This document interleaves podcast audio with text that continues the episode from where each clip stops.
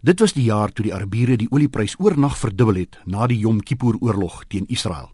Die jaar wat Transvaal verre Noord 99-9 gewen het en Noord-Transvaal die Karibeker eindstryd 30-22 gewen het teen die Vrystaat op Loftus en die Suid-Afrikaanse regering besluit het om toestemming te gee dat Arthur Ashe aan die Suid-Afrikaanse Ope mag deelneem.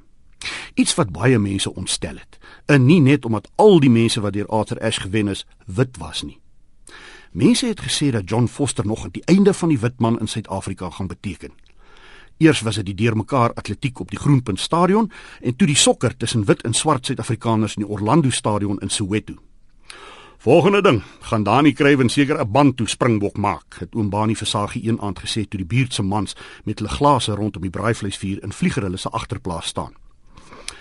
Bani, hoekom moet jy nou so swartgallig wees? Het iemand gesê en die choppies op die vuur omgedraai. Mark my words, het oom Bani gesê en sy Richelieu van die tuin draadtafeltjie opgetel. Mark my words.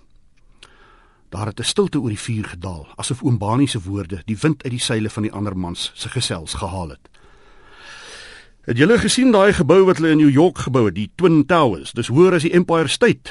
Het vlieger se pa probeer om die gesels aan die gang te kry. Wragtig, hè? Oom Bani het te hard gepraat asof dit sou help om sy onbesonde opmerkings oor 'n swart springbok ongedaan te maak. Maar dit het nie gehelp nie. Die gesels wou net nie weer aan die gang kom nie. Dit was die jaar toe Arnold Taylor die bantamgewig wêreldkampioen geword het in die 14de ronde van 'n geveg waarin hy en sy teenstander Romeo Anaya van Mexiko die skeieregter meneer Stan Christodoulou se hemp bloedrooi gebloei het.